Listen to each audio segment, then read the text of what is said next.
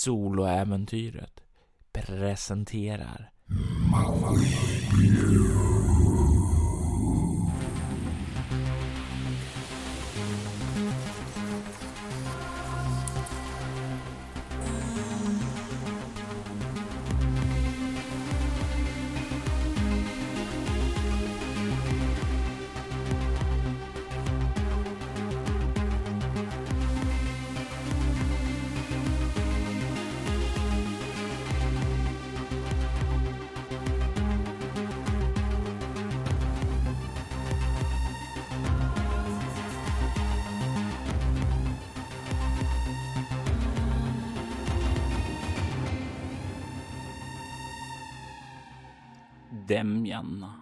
återvänt ifrån skuggstatens bas och med sig förde han föremål och information som plockats från basen. Men det är inte det enda. Han har med sig till skeppet The Fahrenheit. Han har på sig en sticka med informationen och även Serafina i sina händer. Bakom honom så står det gods som han har bedömt vara lämplig att lämna över till Lady Fahrenheit. Medan det som Demian tyckte, mm, det här kanske nog är bättre för vårt skepp, har lagts in i de dolda lagerutrymmena. Han kliver in på The Fahrenheit med Serafina i sin famn och kommer in i deras lastutrymme. Flertal besättningsmedlemmar lägger märke till deras döda vän eller åtminstone kollega i Demjans famn. Demjan, hur skulle du beskriva din entré in i det Fahrenheims dockningsområde. Dem Demjan behöver ju på, på, något sätt inte skina igenom med någon glädje eller dylikt utan det, det, det får bli ett fejkat ledsamt ansikte. Demian känner ju inte Serafina så väl så det, det finns ju inga kopplingar till för att skapa någon slags sorg egentligen för, för individen. Vilket gör att ja, men Demjans försöker se lite, han ler inte eller någonting utan han ser lite ledsen ut men i och med, med tanke på senast han var på The Fahrenheit så nu har vi ändå gjort om ansiktet lite på Demjan så han ser ju lite klarare, man ser ju ungdomen ändå komma fram lite mer än med alla ärren som var tidigare. Så när han väl går där så det blir väldigt mycket tittandes på Serafina så, att man inte går in i någonting, liksom, ta, liksom respekterar ändå Eh, kroppen på så vis. Ehm, och så tittar han egentligen vart han ska gå egentligen. För att summera det så kommer du tillbaka lite mer ungdomligt vacker och eh, med deras döda kollega. Eh, jag tänker att du kan få slå ett Eh, rutinmässigt slag här med eh, utstrålning plus interaktion. Jag tänker faktiskt ge dig eh, plus ett modifikation för att du eh, antar den här mm, posen, alltså den respektfulla och att du eh, kliver in där värdigt med henne. Men jag tänker också ge dig eh, minus ett för du är en utböling och du ser ju, du ser ju inte ut att ha skadat särskilt mycket där. Så det är plus minus noll. Mm. Eh, min utstrålning är 6 och interaktion 1 så jag har 7 plus på slaget. Mm. Och mitt slag är 2 så 8. Och det är ju lyckat på rutinmässigt slag. Ja, 9 år, ja. Men det är klart, det, det, det är klart ändå. Du klarar slaget och eh, det blir, det tyst, du märker ju att det tystnar omkring dig. Eh, och folk kollar på dig och du kan se, det kommer fram en person till dig, sträcker fram sina händer, ungefär som om den är redo att ta Serafina ifrån dig. Demjan tittar ju ögonkontakt djupt mot den här eh, individen och sen nickar och sen lyfter över Serafina till den personen. Och du kan se hur den tar emot henne och börjar kliva iväg och du kan se flera andra besättningsmedlemmar eh, sluter upp där. Det är ganska tyst, sombert. Samtidigt som en annan besättningsmedlem, vad du kan gissa också lite högre i rang än de andra, kommer fram till dig och gör en tyst gest åt dig att följa med den. Pratar du ryska? Ja, säger han. Min eh, ryska är inte så bra, men eh, jag hoppas att du förstår mig. Det är en eh, man, inte ryss, eh, men han talar okej okay, ryska ändå, bryter lite. Du hör ju att det inte är hans modersmål, mm. men det är inga problem att förstå han. Han har ganska kort snaggat hår, eh, ser ganska Ja, man, man, skulle kunna säga nästan ser ut som en, en tio år äldre Demjan. Mm.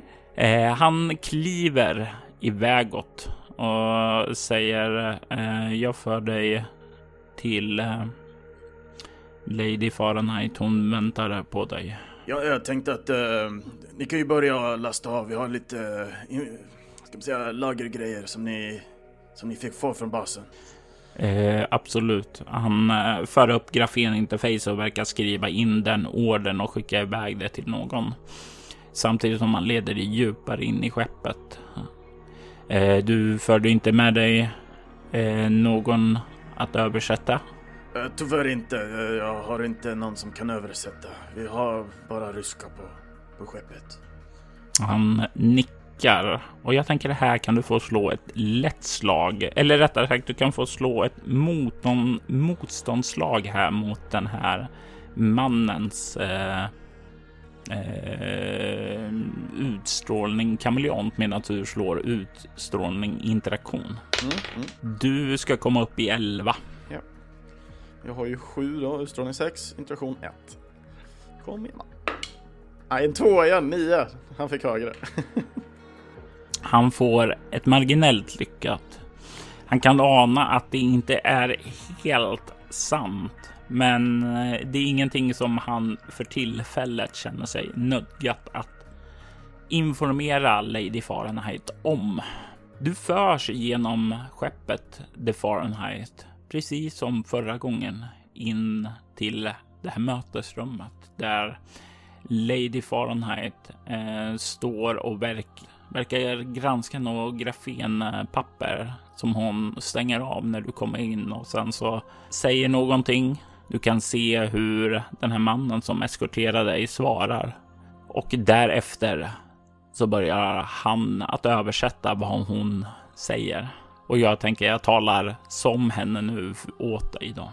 Yes. Jag ser att eh, du är tillbaka, men att du kommer med färre personer än vad du åkte dit med. Demjan mötte ju upp Fahrenheits blick. Eh, han ser besviken ut. Nästan lite nödgande irriterad. Så han stoppar ner handen i fickan och sen börjar han gå fram mot Lady Fahrenheit. Och sen tar han upp då den här stickan med informationen och lägger liksom nästan irriterat hårt ner på bordet och sen för fram den till henne. Det var väl den här du ville ha? Samtidigt som jag då tittar på henne mot ögonen. Försöker hålla någon typ av illusion av, av makt ändå. Det är nog rätt svårt. Jag tänker att ni två ska få slå ett utstrålning interaktionsmotståndslag. Du stirrar in i, i hennes iskalla blick jag slår två tärningar för henne. Uff, jag kommer inte gå. Hon kommer upp i 24. jag är inte ens i närheten. 10. du känner ju när du möter hennes kyliga blick hur den här känslan av att försöka stirra henne, stirra in i den, de ögonen och försöka ja, hålla någon form av mark emot henne möts med en frostig blick.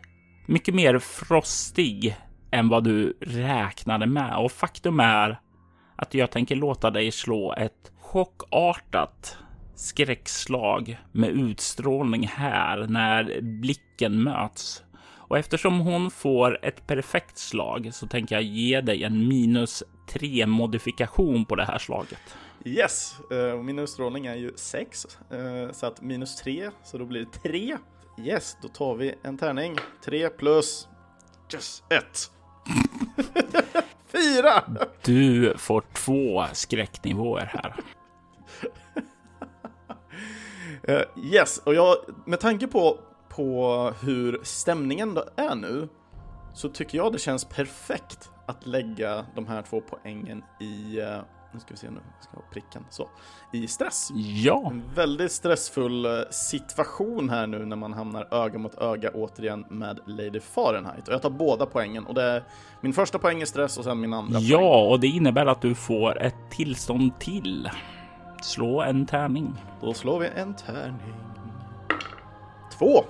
När du hon stirrar på det där så är det den här blicken, det väcker rastlösheten i dig och du börjar känna så här stora problem och bara lugn och rationell. Och det här gör att du har svårt att fokusera ditt sinne. Du kommer ha tillståndet rastlös och det innebär att du får minus två på alla intellektuella slag framöver så länge du har det här tillståndet. Du kan ignorera det här genom att fokusera dig själv och ta en bestående förlust i kropp. Mm. Hon blickar rätt in i dig med sin kyliga blick och säger tack. Och det är väldigt så här, nästan känns som en liten hård pik som körs in i dig när hon säger det och plockar upp stickan där. Vill du berätta vad exakt som händer där? Demjan blir ju väldigt skamsen eh, med, den här blicken, så han, tittar ju ner och bugar lite snabbt mot, mot henne och sen sakta liksom backar bakåt. Ja, det... Det hände så snabbt. Vi, vi, vi gick ombord på basen och först till, till eh, ett av hållen så hittade vi ett lager med, med massa saker i, väldigt fina saker. Så vi, vi lastade ombord dem på, på vårt skepp och självklart dina mannar håller på och lasta av eh, mitt skepp med dina, dina föremål på. Ja, och sen eh, efter det där så gick vi vidare och vi hittade eh, en sån där sjukstuga. Och där hittade vi informationen som var på, på den här stickan. Eh, och, och det var, allting är kry, eh, kryptiskt förutom en av de filerna som man hade. Och vi, vi lyssnade igenom den och de pratade om robotar och hur saker bara förändrades och hur, hur folk kände sig starkare. Så, och sen när vi var färdiga med det så, ja då vandrade vi djupare in och ja, vi kom till en annan eh, lagerlokal och efter det så, allting gick så fort.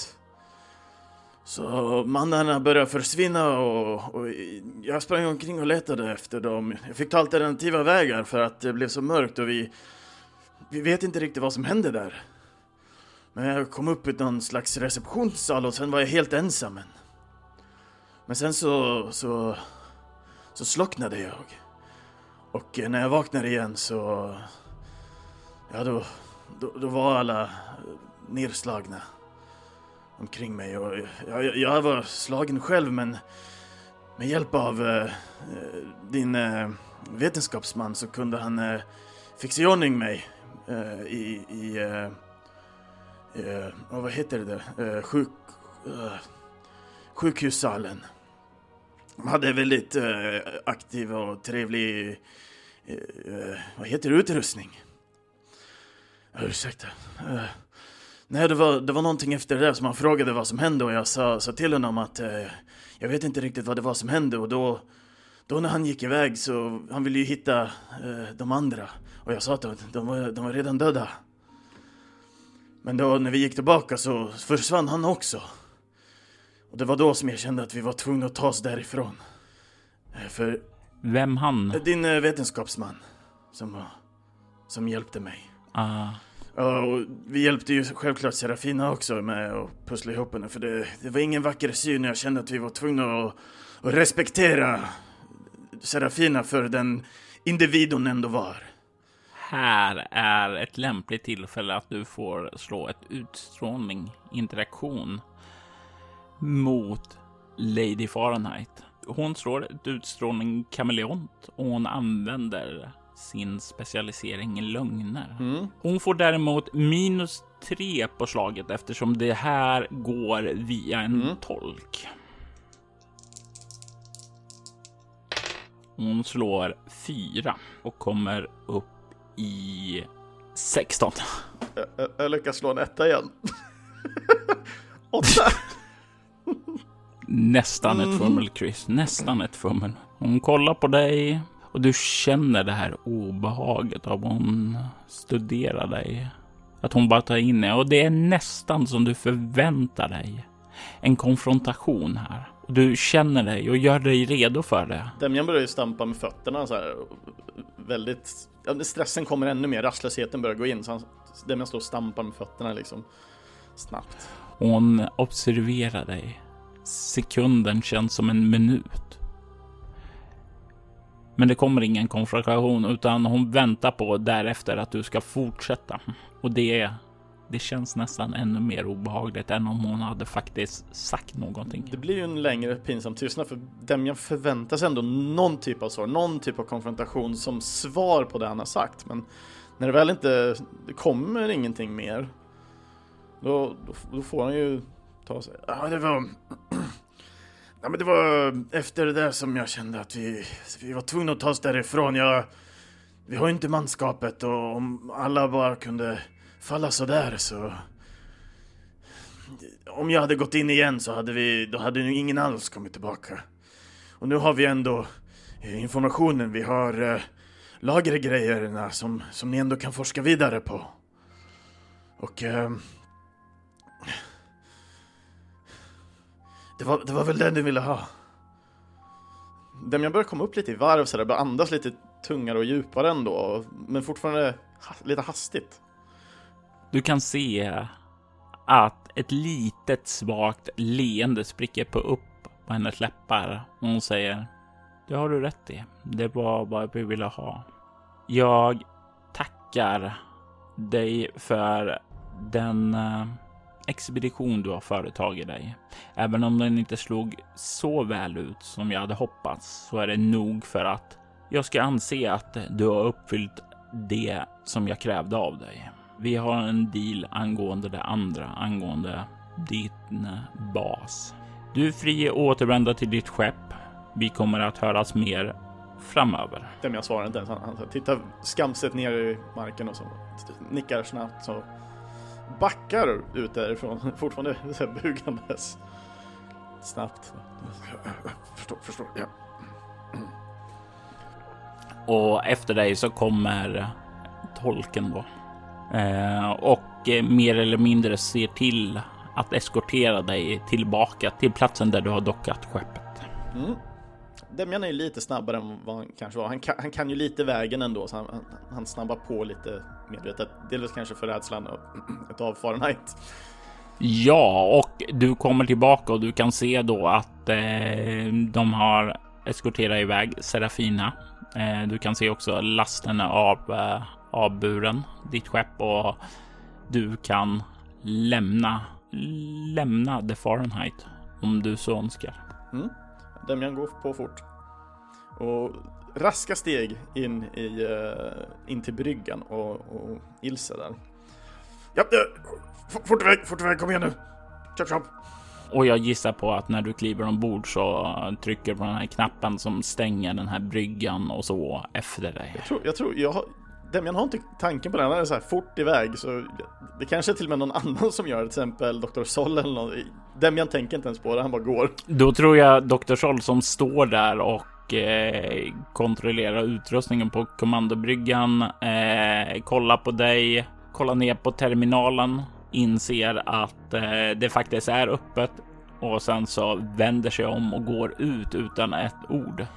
Eh, du kan se hur Ilse kollar emot dig, nickar och sedan så tecknar hon. Du ser upprörd ut, min vän. Hur gick det? Jag, jag, tror, jag tror hon köpte det. Eh, jag, det, det, alltså det hon... Vilken kvinna alltså? Man vågar inte... Det är fortfarande för, för tidigt för att göra någonting och ens försöka stå upp mot henne. Du, du hade rätt hela tiden Ilse, man ska... Man ska vara varsam med Fahrenheit. Tricket att bli en gammal pirat är att välja sina strider väl. Det var så Rasputin blev den kapten som han var. Det var när han valde en strid som han inte var redo för som han föll. Demian bara nickar till, till det svaret. Ja. Och i bakdelen av skeppet så kan du höra hur bryggan dras igen. Och med ett metallisk slammer så kan du höra Dr. Scholl ropa Vi är redo att åka nu. Och du kan se hur Ilse nickar åt dig och vänder sig tillbaka och börjar göra de här förberedelserna för att lämna The Fahrenheit och för att ni ska bege er tillbaka emot Golgata. Under de här minuterna som det tar att ni lämnar och att ni lämnade Fahrenheit och börjar bege er iväg. Vad går igenom Demjans tankar då? Vad gör han? Försöker han lugna ner sig på något sätt? Strax efter som vi lämnade Fahrenheit, Demjan klarar inte av att vara inne på bryggan ens en gång. Så att eh, Demjan går faktiskt in till, till sitt egna rum. Plockar fram sin eh, undanstoppade vodkaflaska och lägger sig ner och tar liksom en, en sup åt gången hela tiden med jämna mellanrum. Och det blir faktiskt en hel del. Dem, Demjan sitter och dämpar någonting som man kanske själv inte riktigt förstår någonting som man inte riktigt känt innan och han försöker få fram någonting vettigt utav det men det, det är svårt, det, det, är för mycket på gång i huvudet som, som fladdrar runt. Men framförallt så är det de här luckorna liksom med receptionen, rösten som kallar på en. Och sen uppvaknandet igen där och, och se alla liken ligga där. Dem jag försöker pussla ihop det men nej, det är svårt. Och för varje gång som man spelar igenom det här scenariot i huvudet, det tar bara några sekunder för att bara forsa igenom allting. Men för varje gång som går så återigen tar han en sup. Lite som att på något sätt han dricker till sig ett minne ungefär. Men nej. Men Demjan somnar i alla fall in till slut i onykterhetens tecken. Och medans du sover så färdas ju skeppet tillbaka. Och jag tänker att du kan förslå en slag för en händelse på vägen tillbaka och då börjar du slå med mm. en tärning. Japp, yep. då ska jag slå en annan tärning för jag har inte varit bra på den första tärningen vi har slagit hela tiden. en trea får vi på den. Och det resulterar i ett möte och jag vill att du slår två T6. Två T6, då har vi en grön och en vit tärning här. Och då ska vi ha två fyror. Och då undrar jag hur länge som Demjan blir eh, däck chockad så att säga. När vaknar han sedan och hur är hans tillstånd då? Demjan är ju rysk, han är pirat eh, och, och vodkan ligger ju ändå på något sätt i blodet hos, hos Demjan. Så det, det blir inte så länge men eh, ja, typ en, en, två timmar kanske. Och Demjan vaknar ju upp lite omtöcknad och omtumlad. Huvudet bankar väl lite men det är oftast någonting som brukar släppa ja, men strax därefter i alla fall. Han sätter sig upp i sängen och tittar ner på sina händer. Flaskan hålls den ena och ja, det är lite mer än hälften kvar i den kan man se. Han bara tittar på sina händer där och känner sig väldigt tom i sinnet för tillfället. Du kan höra Dr. Scholl verkar kommunicera över någon form av anrop bort ifrån bryggan. Mm. Demjan eh, tittar ju mot sin dörr då inne på, på hytten här och sen Ja, det kanske, kanske är bäst jag går. Så han ställer sig upp och, och sen eh, öppnar upp dörren och ja, tittar in igen och ställer av flaskan och sen beger han sig bort mot, mot bryggan. Och... Ja, vad är det som, eh, som ni pratar om här då? Aha, eh, hörde doktor så säga. Eh, vår kapten kommer in nu. Ni kan alldeles strax få tala med honom. Och sen så verkar hon trycka på eh, mute så att säga för att vända sig mot dig. Vi har kommit i fatt ett eh, ryskt skepp som har en del frakt att eh, ta till Golgata. De undrar om vi skulle kunna bistå med lite beskydd i utbyte mot lite krediter. Ja, men eh, varför inte? Det, det är väl alltid bra. Vi ska ändå åt samma håll. Det känns ju nästan lite pinsamt om man säger nej och sen båda åker bredvid varandra en dag. Så. Jag tror ju utifrån vad Ilse här eh, signalerade tidigare att eh, vi kommer nog kunna eh, åka ifrån dem. Vi kommer bli lite försinkade.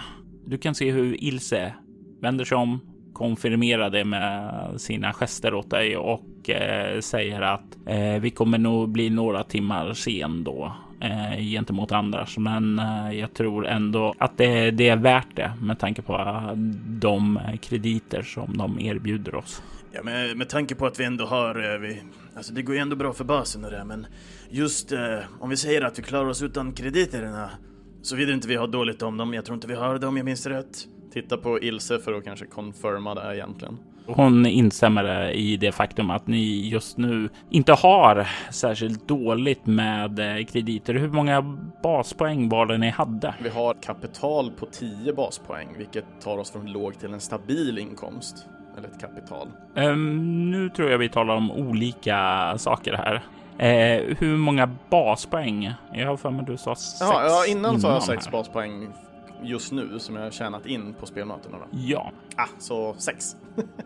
uh, och uh, i kreditslängar eh, förklarar då Ilse att eh, motsvarande den belöning som ni kommer få att frakta dem ger det er en baspoäng till. Ja, men jag tänker med det att uh, när vi väl har, i och med att vi redan har en hel del så jag tror det är bättre vi skapar oss goda kontakter på basen och så kanske vi kan kanske använda dem vid något annat tillfälle. Med tanke på att vi fortfarande har ändå en eh, relativt, uh, vad heter det nu igen? En ny bas. Så jag tror det är bra att ha lite fler på, ska man säga, våran sida. Och det är ännu bättre att de är ryssar så att Du kan se hur eh, Dr. Scholl ler lite när du deklarerar din kärlek för ryssarna och eh, Ilse nickar uppskattat. Eh, men då så, säger Dr. Scholl. Eh, scenen är din, säger hon och håller fram kommunikationsutrustningen. Yes. Eh, Demon går fram och trycker.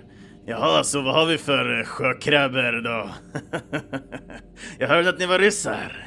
Eh, det stämmer eh, kapten. Eh, mitt namn är eh, Fjodor och eh, jag är kapten eh, över ett litet ansprångslöst fraktfartyg.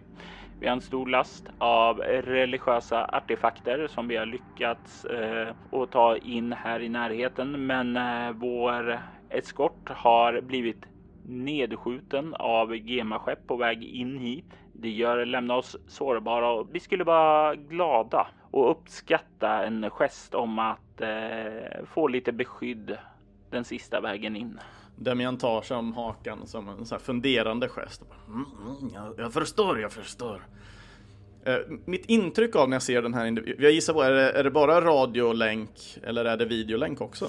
Det är eh, säkert videolänk också. Hur ser personen ut i fråga? Ser han ut att vara en sjöbuse? Eller verkar han vara mer en vettig strukturerad person? Vettig och strukturerad person är ju väldigt, väldigt eh, starka ord. Eh, det ser definitivt inte ut som en sjöbuse. Det är en ganska tanig, lite lätt sliten och nervös man. Eh, det, vad har du i kameleont? Jag har ett i kameleont. Du kan se att det är en man som har haft en seglats som eh, har plågats av eh, sju svåra år ungefär. Det verkar inte mycket ha gått rätt med den här transporten som han hade. Ja, så um, jag tänkte det, vilken, uh, vilken bas tillhör du? Eh, jag tillhör ingen bas. Eh, jag tillhör mitt skepp. Eh, jag fraktar saker mellan baser. Jag lever ombord på mitt skepp. Mitt hjärta tillhör havet. Jag förstår, jag förstår. En man av folket och havet här hör jag. jag är själv härifrån och trivs väldigt bra att vara under det. Men vi kan göra så här. Jag har en eh, egen bas som du absolut kan få använda och lasta av dina grejer om du vill. Kan underlätta en eh, diverse betalningar också. Och eh, om vi skulle kunna göra den här kon kontakten eh, väldigt mer, ska man säga, officiell så då kanske vi kan till och med gynnas ännu mer av varandra här. Så jag hörde att det fanns lite krediter att kunna ha så att eh, men vi kan sopa dem under mattan och så säger vi att eh, det, vi ger en tjänst för en gentjänst någon gång. Och du kan få slå ett eh, lätt slag med utstrålning interaktion här. Yes, och det vet vi hur det brukar gå. Eh, Jag ska inte ta en grön tärning den här gången för den har gått så dåligt tidigare. så, Jag tänker att du kan få slå en pl- med en plus två modifikation också eftersom du är i en ganska överlägsen eh, social eh, Mm. jag maktposition. undrar om man kommer få slå mer för jag ville få in en annan sak också nämligen som kan ge mig plus i sociala eh, interaktioner. Eh, för jag vet inte, för jag har mitt, mitt skepp, det är ju ökänt vilket gör att jag får plus två i interaktioner eh, med pirater och andra laglösa. Medan jag får minus två om det har att göra med GEMA, företag eller laglydiga medborgare. Absolut så räknas det in eftersom du har ditt skepp är ju ökänt eller känt eller, eller rättare sagt känt i de här kretsarna. Och det gör att du har en plus fyra modifikation på slaget. Eh, Så vi har 11 i grund där med då plus 4. Ska vi se med tärningen också då. Ja, En tvåa. klart lyckat då. Du kan se hur eh, kapten eh, skiner upp. Aha, ni är alltför generös. Givetvis så skulle det vara en ära att eh, få docka på er bas och eh, absolut så låter det som om det vore trevligt att samarbeta på djupare plan. Det skulle uppskattas. Det finns få ryska hamnar att eh, sluta sig an till här i Golgata. Ja, och på min bas är ryssarna extra välkomna. Och ja, ert rykte föregår er Demjan. När Demian hör sitt egna namn så då börjar han le extra mycket att eh, jag- jag kommer aldrig tröttna på det här. Och Demjan sluter ännu en allians. Och den här alliansen känns betydligt bättre än den allians som man eh, har med Lady Fahrenheit. Det är betydligt mycket trevligare att vara i maktposition än att sitta i underläge och leva på nåder. Färden tillbaka till Golgata förflyter händelselöst. Det är absolut inga som helst problem att eskortera det här skeppet till er hamn. Hur stor var er hamn? Hamnen är medelstor, är den. Eh, Så den får ju plats med mellanstora skepp i sig. Eh, mellanstora innebär då ett mellanstort skepp då. Eh, så det innebär att eh, antingen så får ni låta honom docka först och ta av lasten.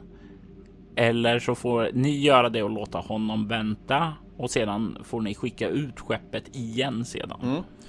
Eh, I detta fallet så tror jag vi kör på vårat skepp eh, först. För vårat skepp kan ju skickas ut, eller vi kan, vi, vi kan parkera vårat i en annan hamn egentligen.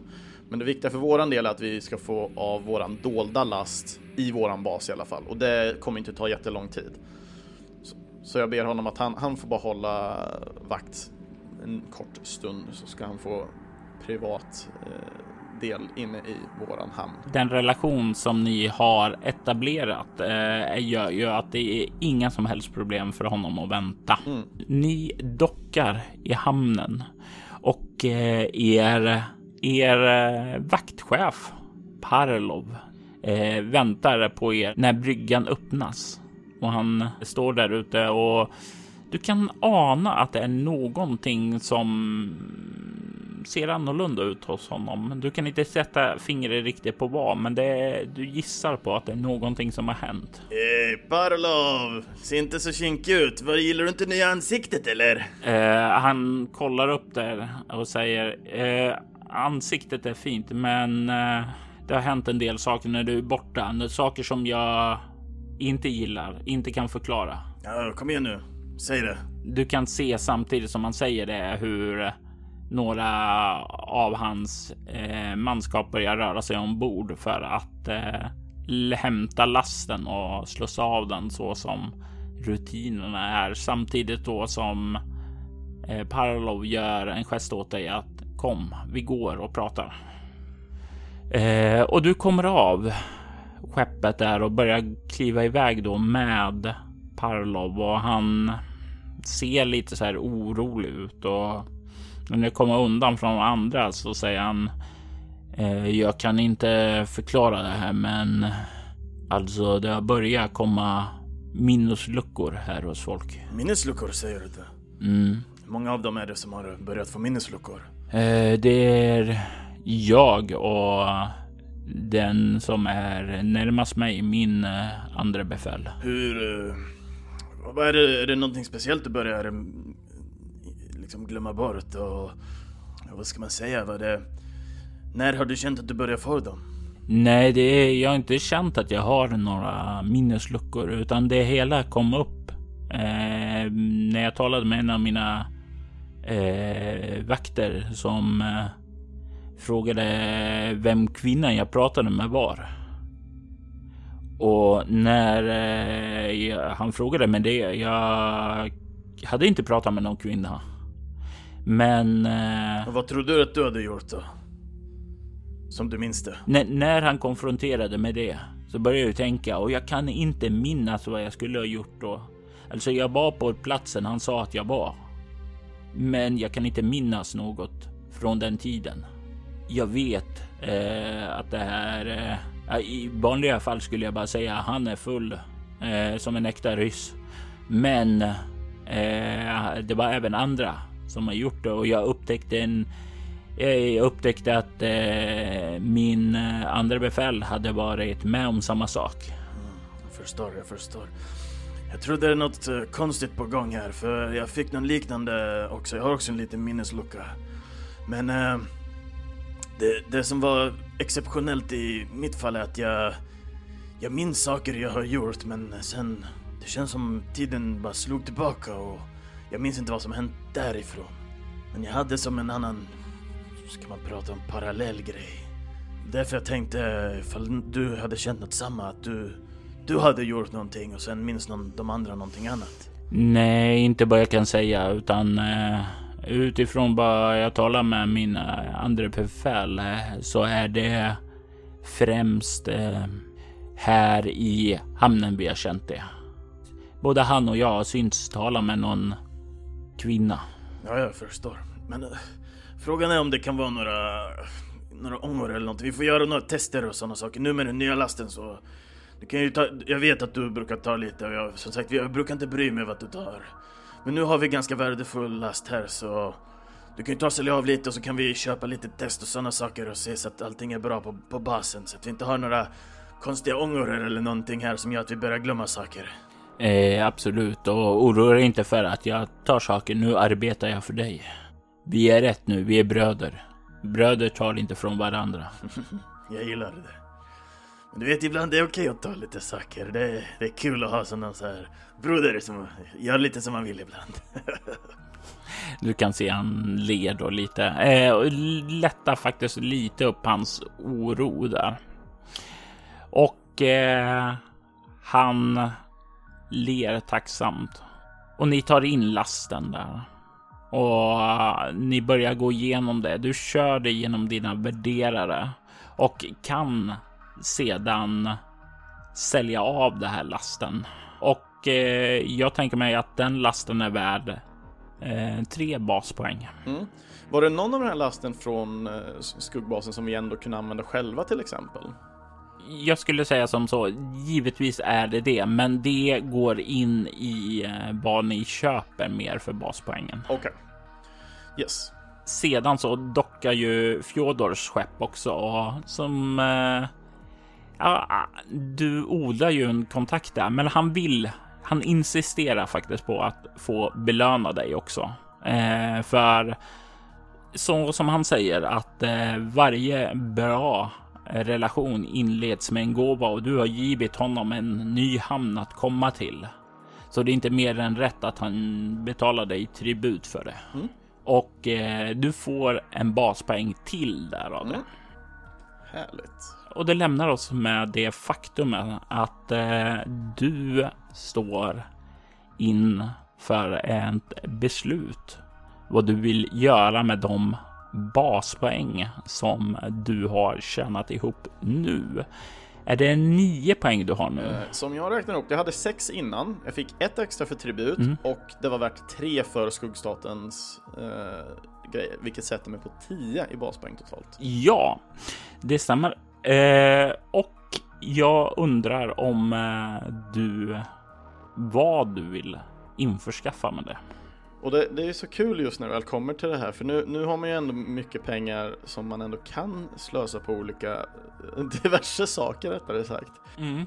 Våran Basel Trash tack har ju ändå haft eh, med litet fokus på att utvecklas till någon slags metropol för ryssar ändå. Att eh, kunna få komma in och få docka, lämna av sina grejer, få bra eh, rabatter egentligen för att på så vis Demjan ska kunna stärka sitt kontaktnät först och främst. Så det är lite som idén av att Lady Fahrenheit ger billigare tribut egentligen och betalning för diverse beskyddare som Demjan behöver till sin bas så ger han lite rabatt vidare för att skapa ett starkare nät som i slutändan kommer gynna Demjan och Sila-piraterna. Så första delen låter ju lite som att man kanske skulle lägga mer poäng på att utöka hangaren så att vi faktiskt får plats med två, för då kan man alltid ha eh, vårat skepp Chestokaja Lotka då eh, hela tiden där utan att behöva köra ut den för att få plats med nästa. Och jag skulle säga att det här är inte så att du, det är bara bygga ut mm. det, utan det, du kan inte lägga till någon extra enhet mm. här, men, men utan om du däremot uppgraderar till en lyxenhet mm. så kan du fördubbla kapaciteten. Yes. Och det innebär ju mer att du skapar en mer effektiv ingång, en bredare hamn, tar bort sån här onödigt bös, eh, bygger ramper upp istället för att ha en Lyft. Mm, stor, ja, ja, men stora bryggor precis vid ingången där. Alltså effektiviserar mm. området mm. rejält då. Och det här är då därför det blir en val av lyxenhet yes. istället. Och det kostar fem poäng mm. då. Och det här kommer ju ta några veckor av eh, av byggande mm. då så att säga. Eh, nästa del. Eh, frågan är, jag tror inte vi behöver mer personal av något slag just nu. Eh, så min andra del är ju frågan egentligen om eh, för just nu har vi ju en, ett lyxforskningslabb och en lyxklinik ändå, så jag vet inte vad jag mer kan göra där för att hjälpa Dr. Sol egentligen med forskningen utav egentligen maskinblodet. För det känns som en ganska stark prio, delvis att vi kan använda den, kanske inte emot, men jag ska säga, på så vis blir det ju emot Fahrenheit med tanke på att vi har information hon inte har. Och jag tror den kan bli en ganska stark mittpunkt i bekämpningen sen i slutändan utav Fahrenheit för att sen kunna bli mer, kan man säga, egen. Men då är ju frågan hur kan jag utveckla någonting mer? Jag vill bara notera mm. en sak. Eh, information som Lady Fahrenheit inte har än. Vad jag drar mig till minne så raderade ni inte informationen på själva basen, utan du raderade bara viss information på stickan. Yes, korrekt. Så hon kan absolut ge sig tillbaka till eh, basen om hon vill det.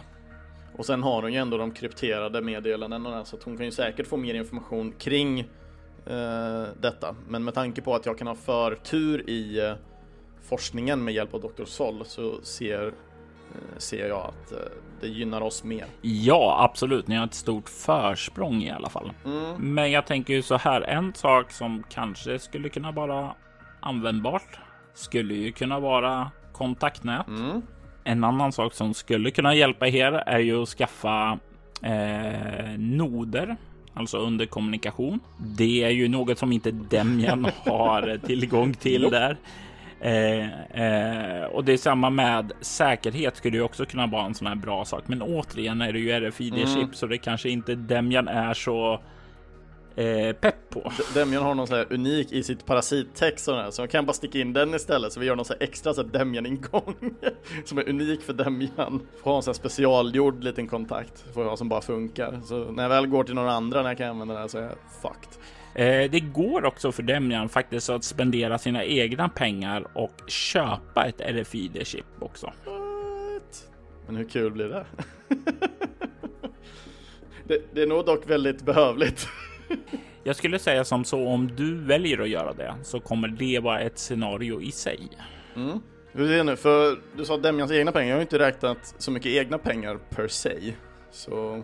Nej, du, det är ju mesta som har spenderats eh, på eh, basen mm. och sådant, utan då kan du, kommer du använda din status själv. Ah. Min status är väldigt låg.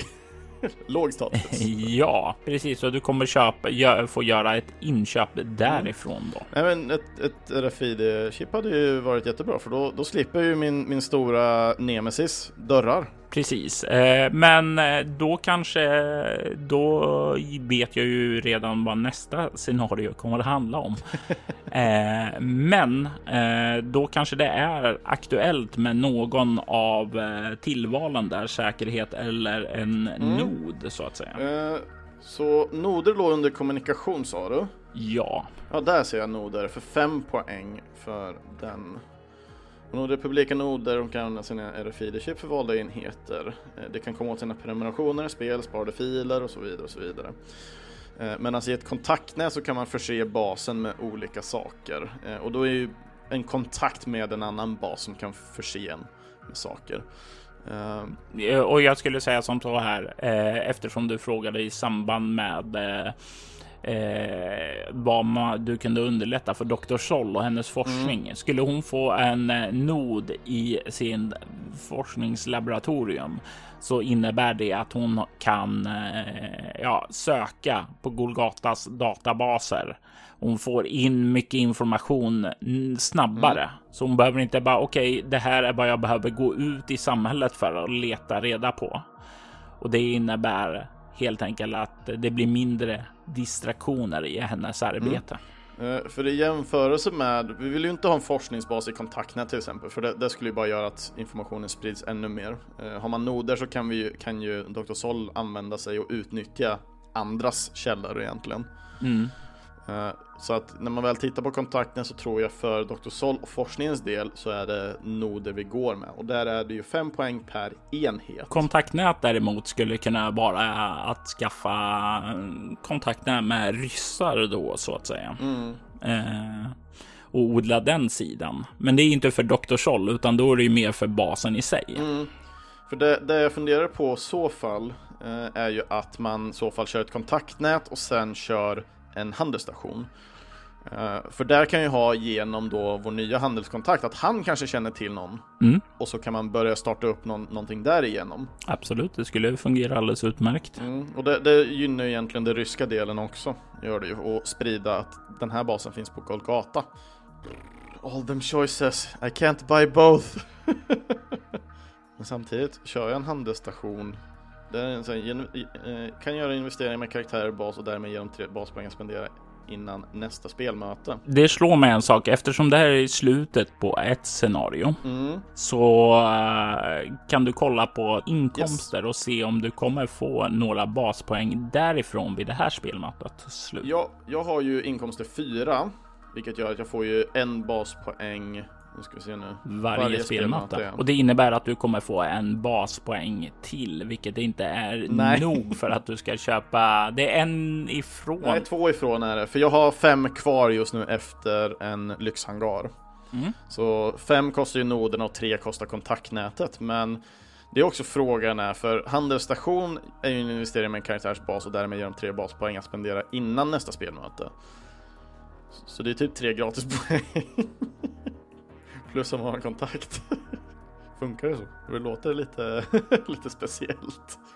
Att lägga tre poäng för att få tre poäng. Ja, det innebär om du skaffar det Mm. så kan du innebära att du kräver ja, använda den här tjänsten eh, då. Mm. Och eh, när du har använt den så kan du inte använda den igen förrän de har krävt en gentjänst av dig som du utfört åt dem. Okej. Så tekniskt sett så skulle du kunna använda den precis så som du föreslog. Ja, för det, det skulle ju gynna delvis kontakten, skapa upp någonting. Samtidigt som jag använder kontakten på en gång. För att kunna köpa, för då får jag handelsstationen och noden. Men då är jag skyldig dem en gentjänst, men det kanske inte är negativt. Men jag skulle säga som så här att om du väljer den, då kommer vi att spela ut det att du tar, har kontakt med dem här nå, Mm. nästa spelmöte och att du pratar med dem och eh, ja, he, har helt enkelt ett handelsmöte där du får dem att investera i din bas Mm. för att du ska kunna köpa den här noden. Och då blir det att du ska köpa nod och eh, RFID-chip då under nästa spelmöte. Yes! Sounds like fun. Ja, men då har vi en eh, aning om vad som kommer hända nästa gång då. Mm. Och när vi har gjort det här så är det en sak kvar att göra. Och det är ju nämligen dramamätaranslagen. Japp. Du har ju redan fyllt eh, utmaningen. Eh, Mystisk observatör. ja, och du såg ju lite spår av det med minnesluckorna här. Mm. Eh, och den har ju gjort, eftersom den är fylld negativ så innebär det att du kommer få minus två modifikation på hotet nu permanent. Så du kan notera det vid basen.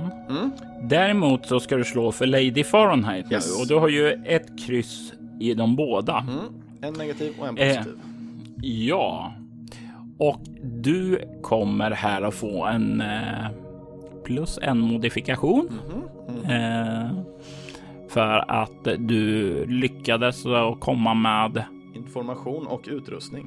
ja. Du kommer däremot få minus en minus två modifikation Mm. för att eh, hennes folk dog och för att du har Ljugit här för ja, henne. ljugit för henne. Jag, håller, jag håller hela sanningen borta från henne. I alla fall en del av sanningen. Eh, och du har eh, tre tärningar du ska slå nu. Mm. Och du har en minus två modifikation och en plus en Ja, så modifikation på det. Har jag på en tärning, tänker jag. Och då kan du börja med att slå den först. Yes. Eh, ja, jag tar tre olika tärningar, men jag slår metalltärningen först här, så det kommer väl låta mest då. Och den har jag minus ett på. Det är en trea, minus ett, det är två, så det är en negativ då. Börjar vi med. Mm. Ska jag slå dem en och en kanske, eller? Spänningen är olidlig. Kan du få göra om du vill. Ja, då slår vi nästa, den vita. En trea, den är också negativ. Det är inget. Så sista tärningen. Snälla inte negativ också. Snälla. En etta. Det är fullt negativt. Det här var inte bra. Det här innebär att du kommer ha en temporär minus två modifikation vid nästa slag på hotet. Inte nu när du slår utan nästa. Mm. Men jag noterar det i ännu en klammer. Eh, Så då har vi den till nästa gång och inte den här då som vi... Eh, Men ska jag fylla i mer på negativt då på Fahrenheit? För jag fick väl två när jag fick alla tre negativa. Ja, Vilket gör att jag eh, fyller den också då. ja, och eftersom du fyller den negativt så kommer det innebära att du nästa gång också kommer ha en permanent minus två modifikation, vilket innebär att du nästa gång kommer ha minus sex. Sa minus sex, ja. Scheisse.